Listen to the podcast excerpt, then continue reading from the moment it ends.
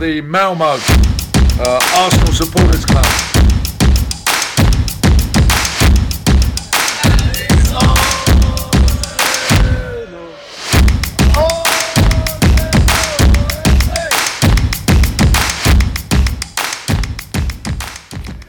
Då hälsar jag varmt välkomna till ett nytt avsnitt av Arsenal Malmö Podcast med mig, Rickard Henriksson. Och denna veckan blir ett litet specialavsnitt, för jag befinner mig nämligen på en golfresa, så jag är på främmande ort.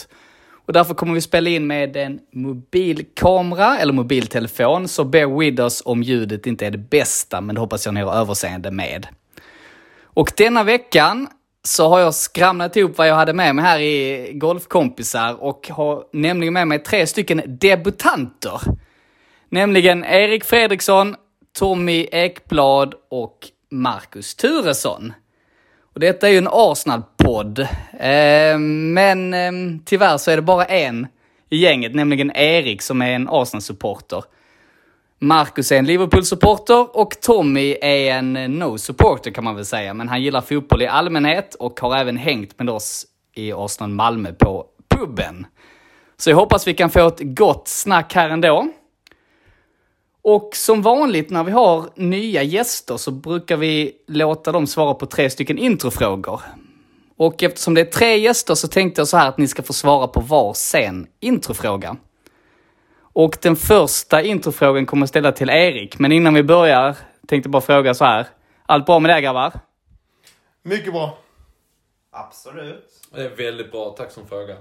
Härligt. Eh, faktiskt jäkligt kul att spela in med det. Vi har ju känt varandra länge så att det är gött att sitta här och jag tycker vi tar en skål först. Ja, men ska på. Skål! Skål. Okej, då kör vi. Och då är första introfrågan så här. Eh, hur länge har du hejat på Arsenal och varför blev det just Arsenal? Och då tänkte jag att det naturliga är att ställa den frågan till Erik eftersom ni andra två inte kan svara på den. Så du får den frågan Erik. Yes, Erik här. Det startade väl eh, när jag var 8-9 år gammal. Jag hade en eh, skoluppgift och eh, uppgiften var att eh, skriva ett brev till engels eh, på engelska. Jag valde att skicka till Arsenal. Arsenal svarade, Arsene Wenger svarade. Och eh, jag blev medlem. Och därför blev jag också en supporter. Eh, delvis var det ju Limpar och det var Stefan Svarts som var den stora drivkraften eh, i min, eh, min ungdom. Men det var verkligen eh, att eh, jag blev uppsatt som medlem och var medlem fram till att jag var eh, 18 år gammal. Och har blivit eh, fodrad med eh, diverse Arsenal eh, under åren. Och sen glömde du förnya det. Ja, det var väl en liten tabbe. Man hade kunnat sitta på ett eh, silvermedlemskap eh, långt tidigare än eh, att härva i Red Membership eh, i flera år. Och det hade varit guld värt kan man ju säga nu med tanke på hur svårt det är för biljetter. Men ehm, tough luck. Ja, man får bita det sura äpplet ibland. Så är det. Nej men vad härligt. Bra story. Och sen har det varit Arsenal fu fu. Definitivt. Det är inget annat som, eh, som räknas. Det är eh, god fotboll och underbara tider.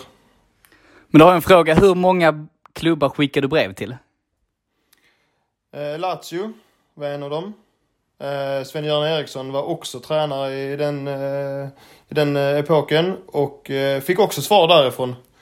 Och det var ju ganska trevligt eh, att få eh, ett svar där med eh, Mihailovic och ne- inte Nedved, Nesta Eh, och diverse.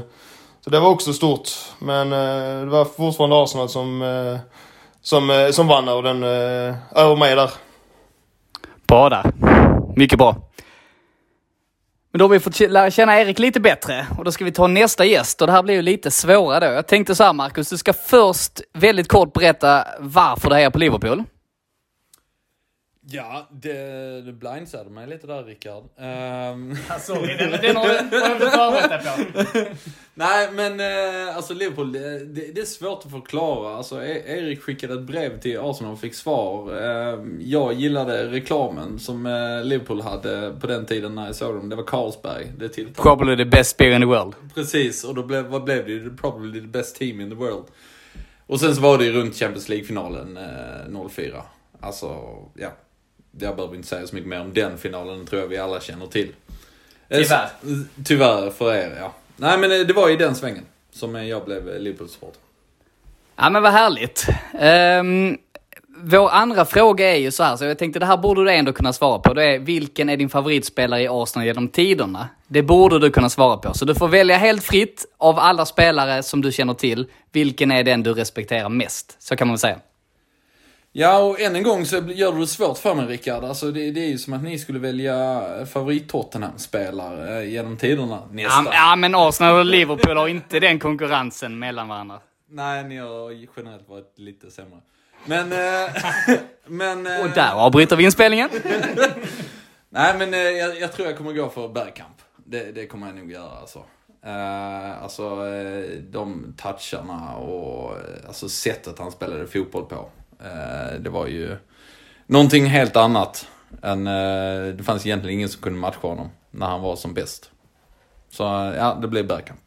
Ja, det är, jag vet att vi har haft många gäster som har sagt just Bergkamp och jag vet att även min programledarkollega Niklas, det är ju hans favoritspelare. Så att det är många som kommer hålla med dig. Det är en fantastisk spelare som även står staty utanför Emirates. Så att, good call. Svårt att argumentera emot. Och då går vi vidare till tredje gästen, Tommy Ekblad då, som eh, du är ju inte en jättestor fotbollssupporter, eller du har inget favoritlag, men du hejar på, du gillar fotboll i allmänhet. Och du har ju varit med mig en del gånger på eh, Arsenal Malmös träffar. Så jag tänkte så att du ska få svara på frågan, vad är det bästa med Arsenal Malmö? Ja, första gången jag hängde med till Arsenal Malmö så var det liksom av en slump. För jag skulle träffa Rickard den dagen och så... Ja men häng med på se på Arsenal före och drick några öl. Det är trevligt folk liksom. Och eh, då kände jag direkt efter den gången, det var så himla trevlig stämning. Det var liksom inte bara, jag tycker det är kul med fotboll, men det var liksom inte bara riktat på blint mot det här laget. Utan det var liksom en god eh, kamratskap, gemenskap eh, bland de som var där. Och då fick jag liksom lite blodad tand. Så jag har ju varit med ganska många gånger sedan dess faktiskt. Eh, och blivit väldigt väl eh, omhändertagen av de som är med. Alltid ett härligt gäng liksom. Ibland några stycken har det varit och ibland jättemånga. Och alltid god stämning liksom. Och det är det bästa. Ja, vad härligt. Jag vet ju, du var ju med bland annat eh, North London Derby i våras, så då var det inte lika roligt. Men ju. vi fick ju efter typ andra halvlek så sket vi och kollade matchen och snackade skit istället, så det, det var ju trevligt.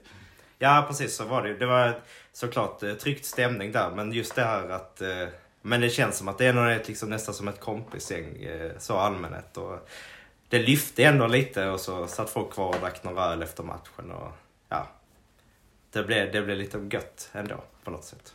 Ja men vad härligt att höra från en utomstående. Det är ju precis så vi vill ha det. Att det ska vara ett gott gäng, samla likasinnande, kolla på Arsenal och ta några öl och ha det trevligt. Och lägga till lite till eh, Tommys svar där. Eh, också som eh, utomstående, inte Malmöbo. Och komma in i det gänget och bli medbjuden på, på resor till London för att se Arsenal. Det är ju något fantastiskt och man blir gott omhändertagen och blir en del i gänget ganska, väldigt fort faktiskt. Ja men vad härligt och du har varit med oss ett par gånger där också i London och träffat en del av gänget så att det alltid trevligt. Vi hade ju en härlig bortamatch där mot Leicester som vi inte behöver prata så mycket om. Nej, det behöver vi inte nämna. Det var en eh, lång, eh, lång eh, bussresa tillbaka till London, det var det. Ja, var, det, var det 3 eller 4-0? Ja, vi, ja, vi behöver inte öppna den dörren men det, vi hade roligt i alla fall. Alltid trevligt att umgås med Arsenal Malmö, definitivt. Ja men vad härligt. Och då har vi fått lära känna våra tre gäster här lite grann i alla fall med lite olika frågor. Och eh, jag tänkte så här grabbar att vi brukar alltid prata om de senaste matcherna. Och Arsenal har spelat en match sen vi spelade in podd sist och det var mot Brentford. Och jag förstår att du har sett matchen Erik. Och jag vet att Tommy tittade lite på highlights här precis innan vi spelade in. Men om jag frågar så här Marcus, har du sett matchen Arsenal-Brentford? Nej, jag har faktiskt inte gjort det. Nej, jag förstår dig. Men... så då kanske vi får göra så att vi vänder oss lite mer till Erik och lite till Tommy. Men jag tänkte prova, vi lägger telefonen här på bordet så hoppas jag ljudet är med oss. Och så frågar jag till dig Erik, vad tyckte du om matchen?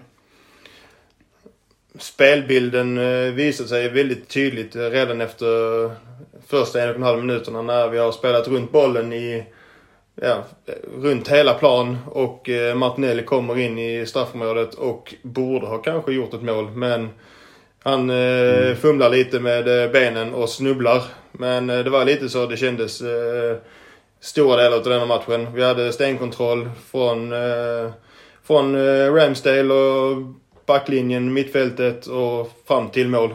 Och det blev ju också 3-0 så det speglar ju lite på en tot- tot- totaldominans. Och, och sekvensen du pratade om, det var ju minut ett. det var en minut, ja. eh, en och en halv minuten fick eh, Martinelli eh, Och då ser chansen. man också att hur Brentford försöker pressa. Men lyckas liksom inte komma åt oss utan vi spelar runt, tillbaka till backlinjen, fram och tillbaka.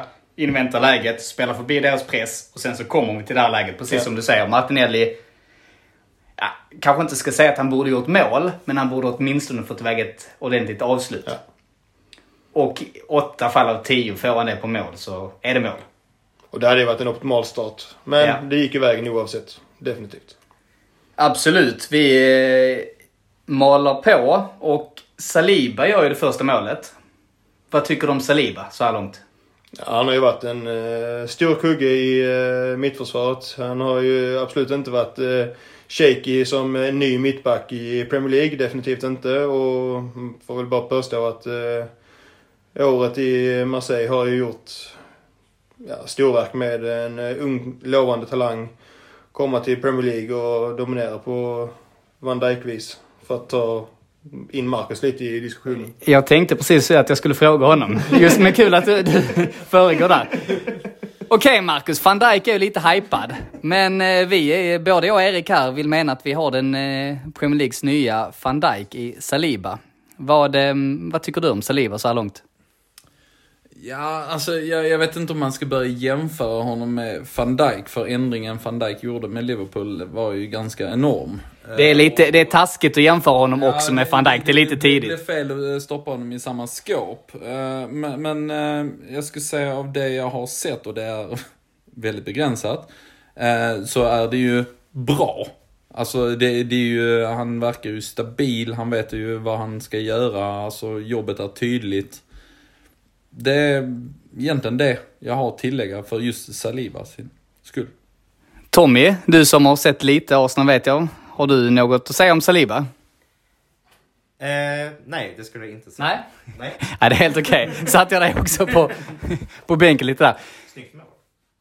Snyggt mål. Mm. Det är ju hans andra mål faktiskt som han eh, gör nu. Så att eh, det är riktigt lovande start. Och lite som du är inne på Erik, väldigt klokt och låna ut honom så mycket som, ni, som vi har gjort. Arteta och ledningen fick mycket skit för att vi har värvat en spelare för dyra pengar. Vi bara fortsätter låna ut honom och vi typ kommer knäcka honom. Men jag vill ändå mena att det här visar ju att Arteta och Edo har gjort helt rätt. För så som kommer in nu, dominerar i Premier League. Det hade han inte gjort för ett år sedan. Ja, han har kanske också haft eh, lite flyt i eh, att han faktiskt fick komma in så som han gjorde också med eh, en skada på Tomiyasu och eh, Ben White eh, utflyttade som högerback. Men det har ju också funkat jävligt bra. Definitivt. Och White har ju varit en stabil kugge i, i detta försvaret så långt i säsongen. Vad säger du Marcus? Ja, alltså jag skulle egentligen bara tillägga på just det här med att köpa spelare för dyra pengar och så låna ut dem. Eh, och det har ju blivit en större trend i, framförallt i Premier League. Att de större klubbarna, de köper unga spelare till dyra pengar och sen så lånar de ut dem tre, fyra säsonger och så får de komma tillbaka. Och där, då visar de sig faktiskt göra ett väldigt, väldigt bra jobb också. Eh, och det är ju, jag vet inte om det är en bra eller en dålig sak för det kanske begränsar marknaden på ett vis. Men eh, det visar ju också att eh, klubbarna satsar ju mer idag på yngre talanger än vad man kanske gjorde förr. Och det kan man i längden tycka är en positiv sak. Men jag tror det också. Det visar ju att Chelsea har ju kört på den strategin i många år. Att de, de har ju, om man tittar på deras totala trupp så är den ju gigantisk. Deras strategi är att de värvar sjukt många spelare, lånar ut dem. Har de tur så blir det startspelare. Har de otur, om man ska kalla det otur, så säljer de dem med vinst. Och det har ju varit lite av deras affärsmodell. Och jag tror också att Arsenal har ju inte varit speciellt bra på det här med låna ut. Utan ofta så har man hamnat, de spelarna de har lånat ut har hamnat i klubbar där de inte fått speltid. Men genom att låna ut dem till klubbar där de får speltid så tar de ju nästa steg. Och vi har ju ett par nu, vi har ju både Balogun och ehm, eh, Nuno Tavares som gör det väldigt bra i Frankrike. Och det visar när de kommer tillbaka, kanske inte att de blir startspelare, men minst så kan vi få bra betalt för dem. Inte, eh, egentligen så vill jag inte påstå att det är pengarna vi kan få tillbaka för spelarna, men faktiskt att de kan göra en insats, en bra insats i laget när de väl kommer tillbaka och de har... Man vill ju att de ska komma tillbaka och göra en insats och, och bidra. Jo, men sen samtidigt, både Tavares och Balogun är ju i nuläget tredje val. Och det gör ju att om de ska ta, få speltid så måste ju antingen Bal någon av eh, Tierney eller eh, Sinchenko måste ju säljas för att eh, Tavares ska vara ett alternativ. Eller Enketia eller eh, Jesus säljas för att Balogun ska vara ett alternativ. Ja, men Det är ju spelare som åldras och eh, går in i ett annat stadie i sin, eh, i sin fotbollskarriär också. Eh, varpå det kommer eh, spelare underifrån, pushar, vill få sina möjligheter, kommer få sina möjligheter och tar dem. Och helt plötsligt så är det kanske inte den yngsta spelaren som blir såld utan det kanske är den äldste. Eh, och då har vi en ny, en ny spelare som kommer in. Sant, så kan det bli. Så det får framtiden utvisa hur det blir där. Men jag tänkte så, Tommy, du tittade lite på highlights här precis innan. Vad är dina tankar kring matchen?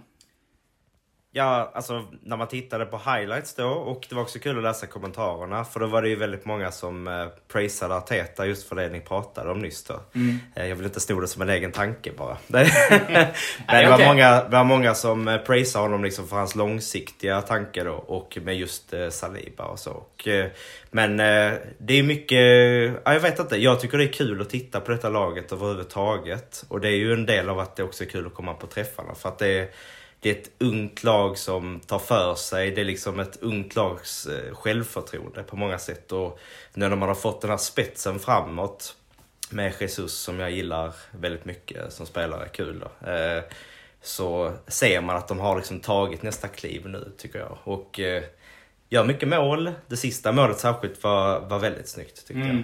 Eh, Fabio heter han va? Han som gjorde det. Mm. Ja. Viera. Viera, precis. Det var ju hans första start också, så jag tänkte vi ska säga någonting om honom. Men han, vi har inte sett honom så mycket. Han har varit skadad, eh, skadad sig under försäsongen. Så att här var hans första start. Men eh, lovande debut. Och kan absolut bli ett bra komplement till Ödegård. Men framförallt, vilket mål! Eller vad säger du Erik? Alltså för på en sån träff eh, från det avståndet i sin första match. Stolpe in. Alltså alla eh, stolpträffar, ribbträffar som resulterar i ett mål. Det är ju vackra mål. Så är det bara. Det, det är kul att se. Ja men det är inte det. Det är inte det att han liksom bombar in den. Utan han verkligen, det är ett kontrollerat avslut. Han verkligen placerar den. Och det är jag så imponerad över. Och han eh, lägger den i det korta hörnet. Som eh, också är, eh, sätter målvakten och det är, det är välplanerat. Det är, eh, ja som sagt, det är mycket praise att eh, lägga över detta Arsenal-laget just nu. Av alla de anledningar som, som Tommy sa tidigare och det, det, är glädje. Det är glädje. Det är kul att vara Arsenal-supporter just nu. Definitivt. Och jag skulle nästan säga så här att den eh, matchen vi gjorde mot Brentford, jag skulle nog säga att detta är det bästa jag har sett Arsenal spela på tio år. Tycker du att jag tar det för långt då, Erik? Du som har sett mycket Arsenal, eller kan du ändå hålla med mig till viss del? Tio år är många fotbollsmatcher. Ja, men vi har inte varit bra på tio år.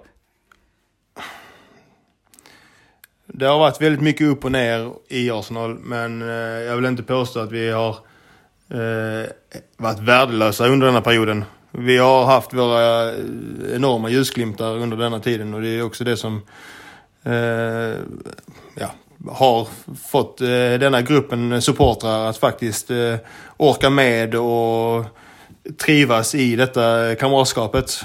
För att vi har, vi har en grund av god fotboll och en underhållande fotboll.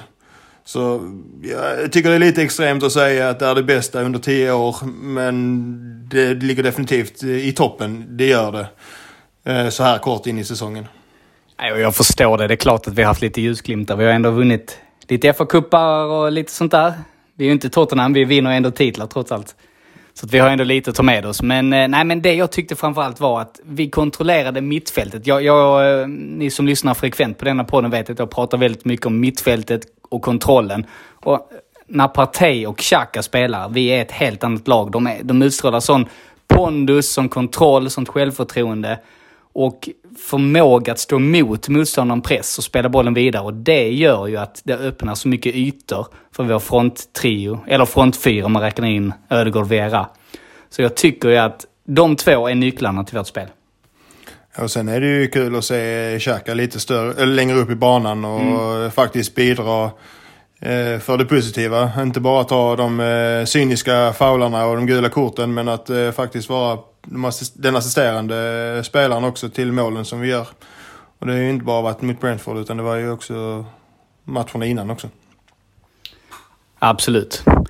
Och jag tänkte vi skulle stänga matchen där och då brukar vi göra så att vi brukar utse tre stycken, eh, eller matchens tre lirare. Så jag tänkte så här att Tommy, du har ju sett highlights. Jag och Erik har sett matchen. Marcus har inte sett matchen. Så vi lämnar Marcus utanför. Och Tommy, du får utse en, du börjar med dig, det blir lite lättare. Så får du utse en spelare du tyckte var väldigt bra. Om det, om det känns okej för dig. Ja, men okej, men då säger jag samma som jag sa innan. Att jag gillar ju Gabriel Jesus väldigt mycket som, eh, som spelare och just det han tillför till laget. Eh, och så gör han ju dessutom mål. Så det är ju en, en bonus som gör det lättare att välja honom då. Med good call. Eh, svårt att säga emot. Han är väldigt nyttig i pressspelet och eh, gör det väldigt bra helt enkelt. Så det är en kanonvärvning. Har du något annat att tillägga Erik? Någon annan spelare? Ja, jag prisar ju Xhaka lite och hans eh, involvering eh, både i det defensiva och eh, det offensiva.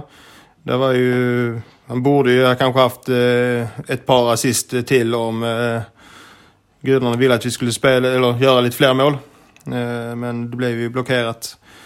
Eh, men sen är det ju den totala defensiva insatsen. Eh, vi ser tre, fyra spelare som slänger sig framför målvakten till Brentford för att blockera ett uppspel. Det är liksom... Man vill försvara till alla, alla medel man kan. Och göra det på ett bra sätt utan att man blir straffad för mycket för det. Och, ja, så den eh, totala defensiva insatsen, det är det jag vill faktiskt prisa mest med denna matchen. Ja, men eh, okej, lite summerat där. Du lyfter Xhaka och hela den defensiva insatsen där. Ja, nej, men det är bra.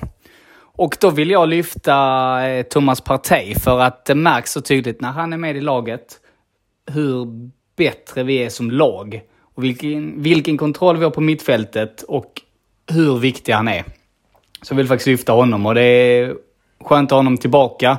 Jag hoppas han kommer igenom landslagsuppehållet nu med eh, i behåll. Så att vi, eh, framförallt vi har en väldigt tuff oktober. Jag vill gärna se honom mot både Tottenham och Liverpool.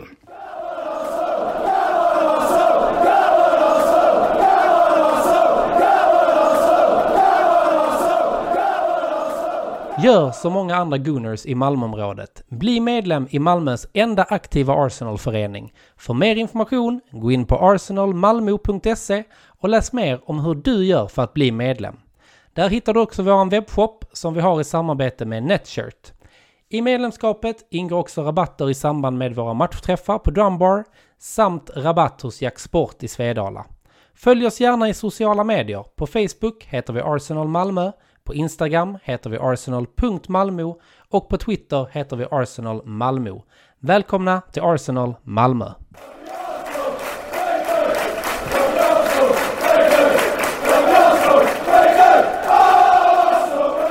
Och då tänkte jag vi skulle ta tillfället i akt när vi trots allt har en Liverpool-supporter med oss och prata lite eh, styrkeförhållandet mellan Arsenal och Liverpool. Och jag ska ju säga det Marcus också, du har ju faktiskt varit omnämnd i denna podden tidigare. För det är nämligen så att du har ju en väldigt trevlig bror som hejar på Arsenal som har varit gäst i podden. Så du är ju omnämnd utan att ha varit med. Hur känns det? Nej, alltså jag är ju van vid att min bror snackar skit bakom ryggen på mig. Det, det är jag fullt medveten om ju. Eh, Det är inte hans fel, han trillade ju när han var liten. Ehm, Men eh, nej, jag, jag kan ta det. Jag kan leva med det. Du kan ta det, då kanske inte ens lyssna på det avsnittet. Jo, jag, hör, jag lyssnade faktiskt på eh, det, just det första avsnittet faktiskt. eh, Som han var med i. Det gjorde jag. Vet att då fick han också svar på introfrågorna, så jag vet att vi nämnde det någonting med Ja, jag, jag, en otrevlig bror, ja, någonting. Jag tror han nämnde någonting med att det inte var mitt fel att eh, det var någonting, någonting. Ja. Det var, det var lite shady grejer där. Ja, nej men vi släpper det. Men jag tänkte så här, det är rätt så gött för att eh, de sista åren så har man inte varit så kaxig som Arsenal-supporter när man pratar med Liverpool-supporter. Men i år så känns det rätt så gött. Vad är dina tankar om eh, Liverpools säsongsinledning så här långt? Alltså, ja, det, det är en jättebra fråga.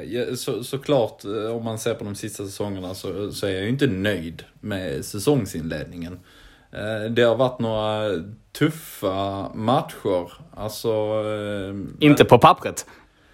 Inte, jo, alltså, nej, vi har inte haft de tuffaste matcherna eh, hittills. Eh, I och för sig hade vi ju City i Community Shield. eh, Men, och så hade vi United borta. Det, det är liksom aldrig en enkel match. United borta är tufft, det köper jag absolut. Den, den är ju vad den är. Napoli borta är ju inte jättekul heller. Ja, men nu pratar vi Premier League, nu släpper Ja. vi Community Shield och Champions League. Ja, jag, jag förstår varför vi släpper Champions League i Arsenal-podden. Jag gör det. Eh, men eh, alltså, det, det, det startar ju knackigt och då, de, det verkar som de liksom inte riktigt har fått igång maskineriet där. Eh, tyvärr några skador på några nyckelspelare. Eh, Thiago missar ju fem matcher här nu, eh, så är han tillbaka igen. Och det märker man jättetydligt att då, då finns det mycket bättre balans i laget. Ehm, och sen, sen är det ju, jag vet nu, nu kommer jag det är lite som att svära i kyrkan i, i Liverpool, men eh, när man startar James Milner på mittfältet, då, ehm, då, då, då får jag ont i magen. Jag får det. Eh, Det var rätt beslut för fem år sedan. det, det, var, det var rätt beslut för kanske två år sedan till och med. Eh, men alltså mannen är ju en, en, en maskin. Alltså, han springer, springer, han, han vill och vill och vill. Men man ser också att han börjar bli för gammal för det. Han hänger inte med eh, de snabba tekniska spelarna i Premier League längre. Jag tror framförallt problemet är när man startar både Henderson och Milner. Jag tror en av dem känns okej, men när man startar båda två, då, är det, då går det inte snabbt. Ja... Ja, Nu vet jag att eh, kasta skit på Henderson är också som att svära i kyrkan. Ja, Ja, ja, kasta skit på Henderson, det gör vi inte. Jo. Eh, men eh, eh, alltså, det, det är framförallt det, här, framförallt det här att det ser inte ut som Miller hänger riktigt med. Man såg det direkt i United-matchen. Han tog tidigt gult och sen så orsakade han... Nu ska vi se. Jo, det var den matchen han eh, gjorde lite klumpiga grejer hit och dit. Eh, nej. Nej, jag, jag är glad när Thiago, Fabinho och Henderson startar. Då, då blir jag nöjd. Uh, Milner, bor, uh, Milner in i startelvan, då känns det inte som att Liverpool har ett mittfält längre. Då, då blir det långa bollar från van Dijk uh, upp mot Salah och sen så hoppas man på att någonting dyker upp. Uh, så, så att för, för att summera, egentligen var det de första matcherna här, så nej jag, jag är inte happy. Det är jag inte, men det är en lång säsong. Och uh, vi ska nog kunna få sätta Arsenal uh, på plats uh, åtminstone den 9 oktober. Så smäller det ju. Det gör det och jag tänkte det här var ju, eh, du kommer, kommer vi osökt in på min nästa fråga. Kanske en 10 000 kronors fråga. Kan Arsenal sluta före Liverpool i tabellen? Det tror jag. Det tror tror det? jag. Ja, men det tror jag. Eh, för att ehm, det, jag, jag blir ju orolig när, när jag ser på Liverpool. Och, och man ställer sig ju frågan, har gnistan försvunnit? Har, har det här suget, alltså motiveringen, finns den där i truppen? Sen är detta ju såklart proffsspelare så att man ska, det ska alltid finnas en form av motivation. Eh, men eh, jag känner inte att jag riktigt ser den glöden. Och de, de få tillfällen när jag har sett Arsenal så har jag sett den glöden. Och då, då blir man ju, börjar man ju skruva lite på sig som Liverpool-fan. Eh, ska Arsenal äntligen eh, sluta ovanför Liverpool i tabellen? Alltså, ehm, ja. Jag, jag, jag tror det är fullt möjligt. Eh, men det gäller ju också för Arsenal att upprätthålla den inledningen de har haft.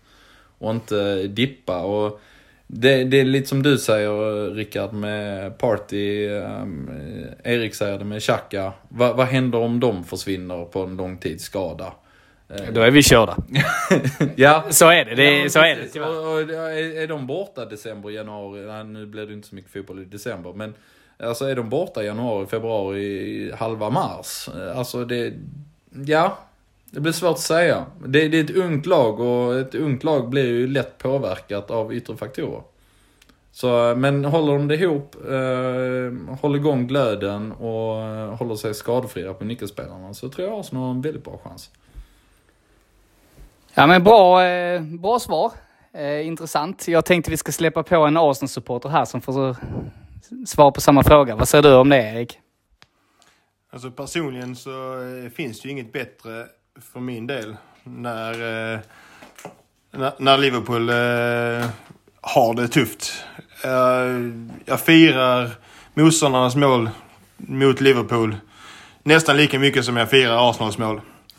Mer än eh, Tottenhams mål, eller mot Tottenham. Jag räknar inte Tottenham som lika stor contender mot, eh, som, eh, som Liverpool. Definitivt inte. Där. Mm. Så är det. Men eh, det är, jag tycker det är lite tråkigt, eh, tråkig inledning av eh, Liverpool. Eh, det känns lite som att de är mätta. Det är ett eh, åldrande lag som har kanske inte fått in eh, det yngre blodet på, på vissa positioner. Van Dijk har haft en shaky start. Eh, han har inte bidragit. Han har inte varit lika eh, framträdande i sina dueller och verkat lite trög. Och det är ju... Han var ju redan när han kom från Southampton. Och har ju bara haft en eh, projektil uppåt. Men eh, nu ser vi en eh, liten eh, nedgång i hans eh, fart, kvickhet i tankarna. Och eh, så fort han får lite press på sig, så eh, just nu i alla fall, så har det inte gått eh, hela vägen så bra som det har gjort tidigare. Och sen har jag också, det har ju varit mycket skador i Liverpool, men Milner, Harvey Elliot. Elliot är en ung lovande kille, definitivt. Eh, och Henderson då, eh, var det framförallt mot United var det väl.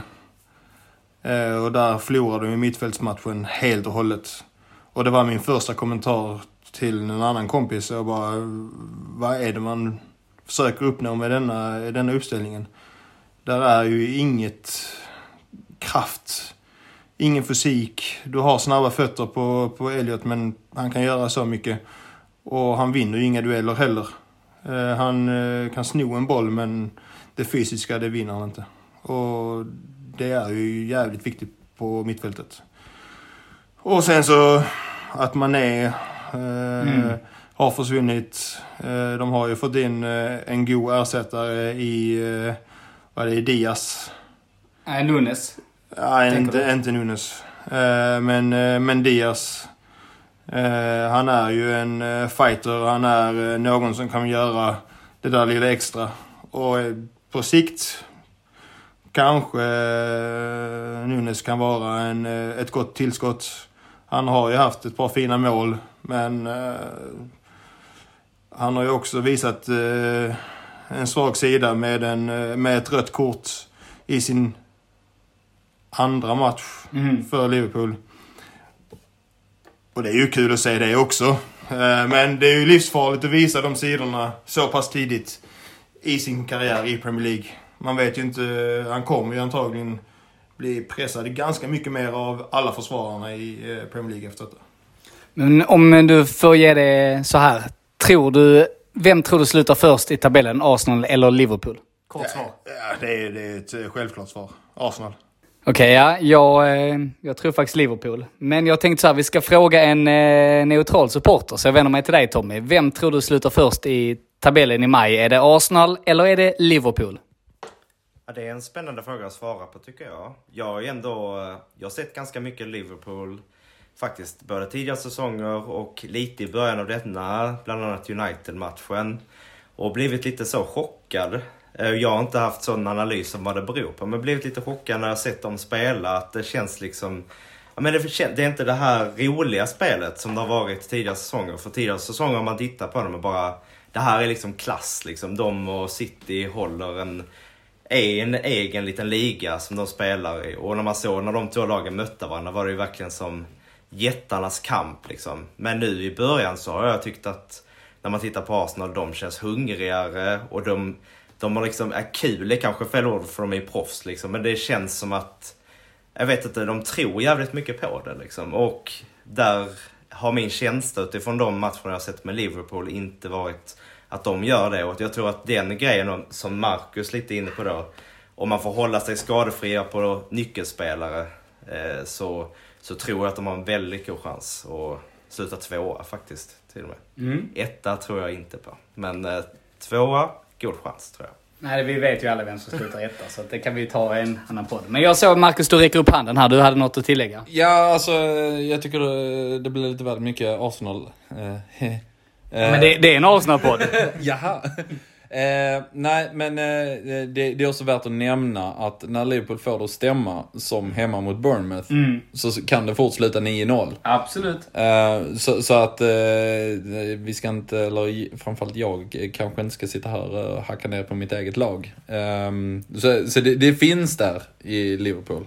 Eh, och eh, om frågan är, eh, har Arsenal en chans att sluta ovanför Liverpool? Ja, det har de. Eh, om du frågar mig vem som slutar... Vem du, vem du tror. Vem jag tror slutar, så tror jag Liverpool kommer att sluta ovanför Arsenal i tabellen Ja. i maj. Bra svar. Jag såg Erik, du hade någon replik här. Ja, och det är ju Salah som är eh, lite av kuggen i, eh, i Liverpool. Och än så länge så har han ju inte klart av att prestera. Han har ju räddat Liverpool ett par matcher, det har han gjort. Men det var ju väl redan, jag spelar i Fantasy Premier League.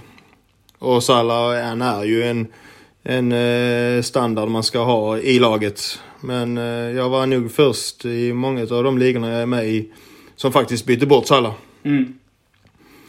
Eh, han har ju levererat po- poäng i alla fall, men det är inte den Salah som vi är vana vid att se. Han saknar eh, kanske lite av en, eh, en lekkompis i Mané och har kanske inte hittat de samma eh, rörelsemönstren i de nya som har kommit in offensivt i Liverpool. Så eh, förhoppningsvis eh, så fortsätter denna trenden. Eh, Men det är ju kul att se Liverpool när de eh, kör på alla cylindrar, definitivt. Men eh, de behöver Salah och just nu så är Salah inte Salah. Ja, så är det. Ja, förlåt Max. Ja, och det, men det, det är lite så också att eh, alltså Diaz har ju varit matchhjälten i fler tillfällen än vad Salah har varit denna säsongen. Och det, det tror jag också kommer att motståndarna mot Liverpool inser att man är borta. De behöver inte kanske täcka bägge vingarna på samma sätt som tidigare. Eh, och då kan man lägga extra fokus på att bara håll Salah tyst, bara trycka han ut över sidlinjen hela tiden. Eh, och det ger ju Diaz lite mer eh, utrymme att leka på. Och där kan jag också tänka att eh, Diaz har fått tagit en del av den shinen som Salah har haft tidigare säsonger. Ehm, och kunnat utnyttja den. Vi såg det ju mot Crystal Palace. Eh, 2-1 målet. Glider in från kanten. Det var, ju, åh, det var helt fantastiskt. I 97 minuten. Ja, någonting sånt. Så, så att jag, men, men jag tror att ju längre säsongen går, desto mer kommer också motståndarna anpassa sig till att man, eh, Liverpool har faktiskt två väldigt giftiga vingar. Och eh, då kommer Salah också kanske mer ta över eh, och komma tillbaka till den rollen vi är vana vid att se att Salah har. Och så är det. Vi får ju se helt enkelt den eh, 9 oktober när eh, Arsenal möter Liverpool. Så får vi ju se hur det slutar helt enkelt. Men eh, jag tänkte så här, vi ska byta ämne. Vi ska prata North London Derby, men innan dess så tänkte jag att vi ska kort beröra eh, Manchester City och nämligen Erling Haaland. För det är så att både Marcus och Erik bor ju i Norge. Och jag kan inte låta bli, jag har ju själv kallat honom för The Norwegian Beast. Och jag sa ju lite kaxigt inför säsongen att de som inte tippar Manchester City som vinnare, de förstår inte fotboll. För att jag har ju sett honom i Dortmund, jag har sett honom i norska landslaget och jag vet hur bra han är. Men jag är lite nyfiken, vill gärna höra er syn på det. Ni som bor i Norge, hur snacket går och vad ni tycker. Du ska också få flika in Tommy såklart. Men jag börjar med att vända mig till er Marcus och Erik. Vad säger ni om Håland? Alltså, sitta på en pub eh, och se fotboll. Håland kommer ju alltid på tal. Han är ju, han är ju deras eh, guldgris, så att säga. Det var ju Ödegård en gång i tiden, men eh, Håland har ju tagit över den, eh, den stämpeln. Och det går ju bara att hylla killen. Det är ju de eh, löpningarna, han hittar rummen i, eh, i straffområdet. Han dyker upp där, där han ska och där bollarna kommer. Och gör det han ska. Och det gör mål. Det var ju en match han hade åtta touchar, gjorde tre mål. Ja. Eh, vad ska man säga? Det är eh, bara att... Av med hatten. Och jag kan säga jag som har studerat honom, jag är inte förvånad. Och jag blir förvånad över hur många som är förvånade hur bra han är. För att jag, jag, jag, jag har sagt det hela tiden, han är, han är ett unikum. Och det är inte det att han har överdriven teknik. Han har bra teknik, han har bra fysik. Men det som gör, gör hans storhet är hans löpning i straffområdet. Så han är, han, är, han är sjuk. Han är ett unikum. Jag var ju lite så här skeptisk till hur, eh, hur han skulle passa in i ett City som inte har spelat med en eh, faktisk nia på flera säsonger. Eh, men, ja, som sagt. Hatten av till Haaland och eh, till hur eh, City har faktiskt eh, fått in han i spelet och klarat av att involvera han. Och han är ju inte en svår spelare att involvera. Lägg en boll i djupet, lägg en boll på fötterna, lägg en boll på bröstet. Han gör vad fan han vill. Ja, men lite så. Ja, men så att eh, Tommy, du hade någonting att flika in där innan jag släpper in Marcus. Du, vad vill du säga om Haaland? Ja men det passar bra. Innan Marcus tar över då så måste jag ju trycka till Marcus lite då. Säga att eh, sist vi sågs i den här konstellationen och det var ju innan Premier League hade börjat. Så eh, sa jag, ja men då hade jag liksom kollat mycket på Haaland och sett en massa intervjuer för jag blev lite halvbesatt vid honom redan innan säsongen började då. Och så sa jag, ja men den killen kommer göra 30 mål i Premier League den här säsongen. Så sa jag och Marcus tog liksom i hand på detta. Marcus sa, ja men det kommer inte hända. Han sa 18 mål. Han är ju halvvägs där redan. Han är, han är ju nästan halvvägs där redan och det är, ja, det är vilka mål killen gör också. På helt olika sätt. Alltså, det är ju samma sätt på ett sätt men det är liksom på olika tekniker. Huvudet på fötterna, trycker en spelare, alltså bröstar in en, tar en löpning där. Alltså det är otroligt. Det verkar lite som att eh, Marcus blir allergisk mot eh, det, det som det snackat om just nu. Jag var lite nysningar där i bakgrunden. Gå och klippa kanske. Men Marcus, vad säger du om Haaland? Du som också bor i Norge. Ja men alltså, eh, först får jag väl försvara det Tommy kommer med. Eh, att, eh, och det du också säger Rickard, att du blir förvånad att folk är förvånade. Ehm, eh, jag, jag, jag, jag kommer stå kvar vid det. Alltså, eh, jag tror ehm, li, lite, eh, alltså. eh, Spelarna i Premier League visste inte riktigt vad som träffade dem när Haaland kom. Eh, De vet det mer för varje match som går. Eh, jag, jag tror inte han kommer ha den fantastiska alltså, målfrekvensen frekvensen som han är inne på just nu. Jag tror eh, det kommer komma en dipp, det tror jag. För håller detta i sig, då slutar han ju på 40. Ja, det gör han ju definitivt. Eh, och eh, vi såg ju även Suarez när han var i Liverpool, eh, då när han var uppe och nosade på 30 plus. Eh, så att det kommer alltid komma någon dipp där. Eh, men så, men jag, jag står kvar vid 18. Det jag gör det. Och så får vi hellre se i maj vem som är närmast eh, mål. Hörde jag ett eh, ölbett på detta kanske? Ja, det luktar, luktar väl en öl på Är det en eh, handskakning på det? Ja, men vi tog i hand redan. Ja, men, eh, Jag Jag, jag, vill se det här. Ja. Då har vi ett bett. Ja, men det här, vi får följa upp detta på något sätt. Och i, förmodligen då i februari, Marcus, så är du skyldig Tommy en öl. Förhoppningsvis inte. Eh, men, men sen om man ser eh, alltså, eh, det, alltså mediauppbådet som följer Haaland i Norge. Alltså det vi svenskar kan relatera till det är ju Zlatan. Ehm, det, men där, där man kanske... Haaland har inte den eh, ikon, alltså ikonstatusen som Zlatan har i Sverige.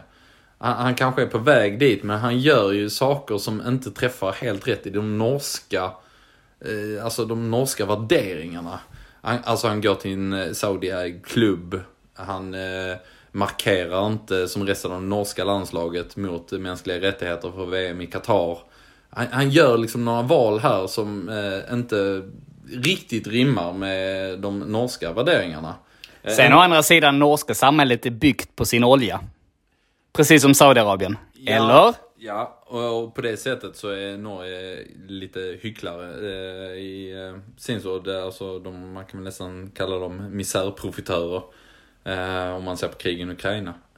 Men men, men det, alltså, det här typiska norska, liksom alltså att man, man, man ska ut på tur och det, det är hytta och det, man ska sticka sina egna kläder och man, man ska göra sitt eget smör och man har liksom fyra får och en get. Eh, alltså det här typiska norska, det, det går Hå- Haaland emot. Och det gjorde ju Zlatan i Sverige också så att det, det kan ju sluta på samma sätt att han sitter med en eh, staty i eh, Trondheim som blir riven för att någon supporter var, blev lite sur här och var.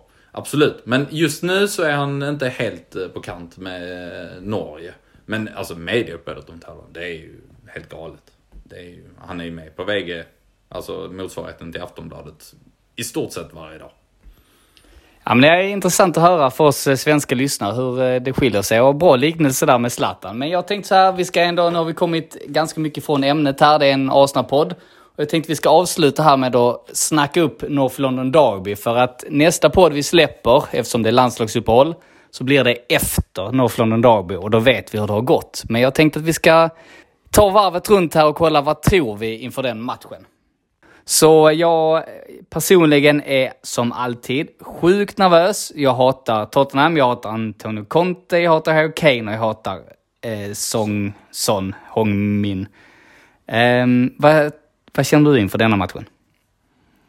Det är ju alltid eh, mycket känslor i denna, i denna matchen och eh, det kommer ju vara en fysiskt hård match och det kommer ju vara mycket, eh, mycket emotionellt, emotionella tacklingar. Det kommer vara cyniska, cyniska tacklingar. Det kommer vara eh, fulspel åt bägge håll. Och, men jag tror ändå att eh, Arsenal har eh, övertaget med hemmabana och eh, och ett solidt försvar, eh, ett spännande anfall eh, och jag tror att det kommer att sluta med en 3-1 seger.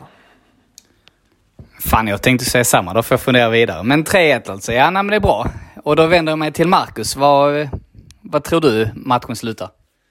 Ja, alltså eh, det, det, det, det kommer bli tufft för mig som står utanför bägge lagen egentligen. Eh, Men, men är, det, är det någonting, eh, Antonio Conte, jag gillar inte honom heller. Eh, Men är det någonting han kan så är det just det här med att vinna matcher. Det, är- det, det, det är lite sån Mourinho-känsla på honom, med, på just det. Eh, Son bröt sin måltorka förra omgången. ehm, och eh, Kulusevski anpassar sig bättre och bättre in i Tottenham. Jag tror det kommer bli tight så att jag kommer gå för en eh, 2-2. Mm. Ehm, och det, det, det tror jag kommer stå sig ganska bra. Och de två målen blir förmodligen ett eh, snedträff av Son och en filmning och straff av Harry Kane. Nej, I så, så fall, om, vi- om vi ska lägga upp det där, eh, så tror jag faktiskt att eh, Kulusevski kommer hänga en balja och eh, Kane kommer eh, köra ett distansskott. Oh, ja. Värt att tillägga är ju att eh, Kulusevski är ju egentligen Arsenal-supporter och eh, vill ju joina Arsenal. Så Men Det- det är då bra reklam att inte göra det bra mot Arsenal. Den enda gången när Arsenal ser på honom. Och jag bara som kluven, kluven, kluven. lite tillägg till det här att eh, jag, han är full av skit. Han har sagt i en podcast med Olof Lund att han är Arsenal-supporter. Men jag menar, är du Arsenal-supporter så går det inte till Tottenham. Så att eh, han är död för mig. Punkt. Tommy, vad tror du om matchen? Eh, jag tror faktiskt eh, att Arsenal kommer att vinna, men jag tror det kommer att vara jävligt jämnt alltså. Och, eh, jag var lite så som på 2-2, men jag tror 2-1 till Arsenal. Just, eh, ja, men jag tycker det funkar bättre framåt för dem nu, framförallt än Tottenham. De, eh, de har inte fått igång, ja Marcus säger att har gjort ett mål, men det är liksom inte som, eh, har gjort tre mål. Ja, men han är, han, har, han är inte den sån som han var förra säsongen. I alla fall utifrån det jag har sett. Och, så jag tror eh, 2-1 till eh, Arsenal. Ja, det är bra. Då har vi två som tror på Arsenal-seger och en som tror på kryss. Och jag kommer faktiskt dänga till med ett klassiskt resultat och gå på 5-2. Och jag tror att det kommer stå 2-1 till Tottenham eller 2-2 i paus och sen i andra halvlek så kommer vi visa styrkeförhållandet och faktiskt dominera ut dem på att vi är ett så mycket bättre lag och att vi har tryckt ner Kane ordentligt. Så jag säger 5-2 till Arsenal. Men det kommer vara jämnt i första halvlek och det kommer vara skakigt. Men i slutändan så kommer vi vinna. Jag hoppas du har rätt Rickard. Det hoppas jag också. Och ehm, det finns inget annat. Det här är den absolut jobbigaste matchen för mig personligen, mentalt. Och jag kommer må skit, både före och efter matchen. Um, men vi ska bara klara av det och vi ska vinna. Och jag har fortfarande dåliga minnen från White Hart Lane, eller vad den, den här nu Toilet Seat stadion heter i, i våras. Så att jag hoppas verkligen vi tar oss samman och vinner och visar att North London is red. Och Arsenal-Malmö har årsmöte innan matchen mot Tottenham, så anmäl er 48 timmar innan, både till årsmötet och till matchen. Det kommer bli mycket folk, så se till att anmäla er i tid för att säkra er plats. Så håller vi alla tummar för att när vi hörs nästa gång så har vi visat att North London is red. Tack för att ni har varit med oss denna veckan. Tack till Marcus, Tommy och Erik. Och tack för att ni har lyssnat. North London forever.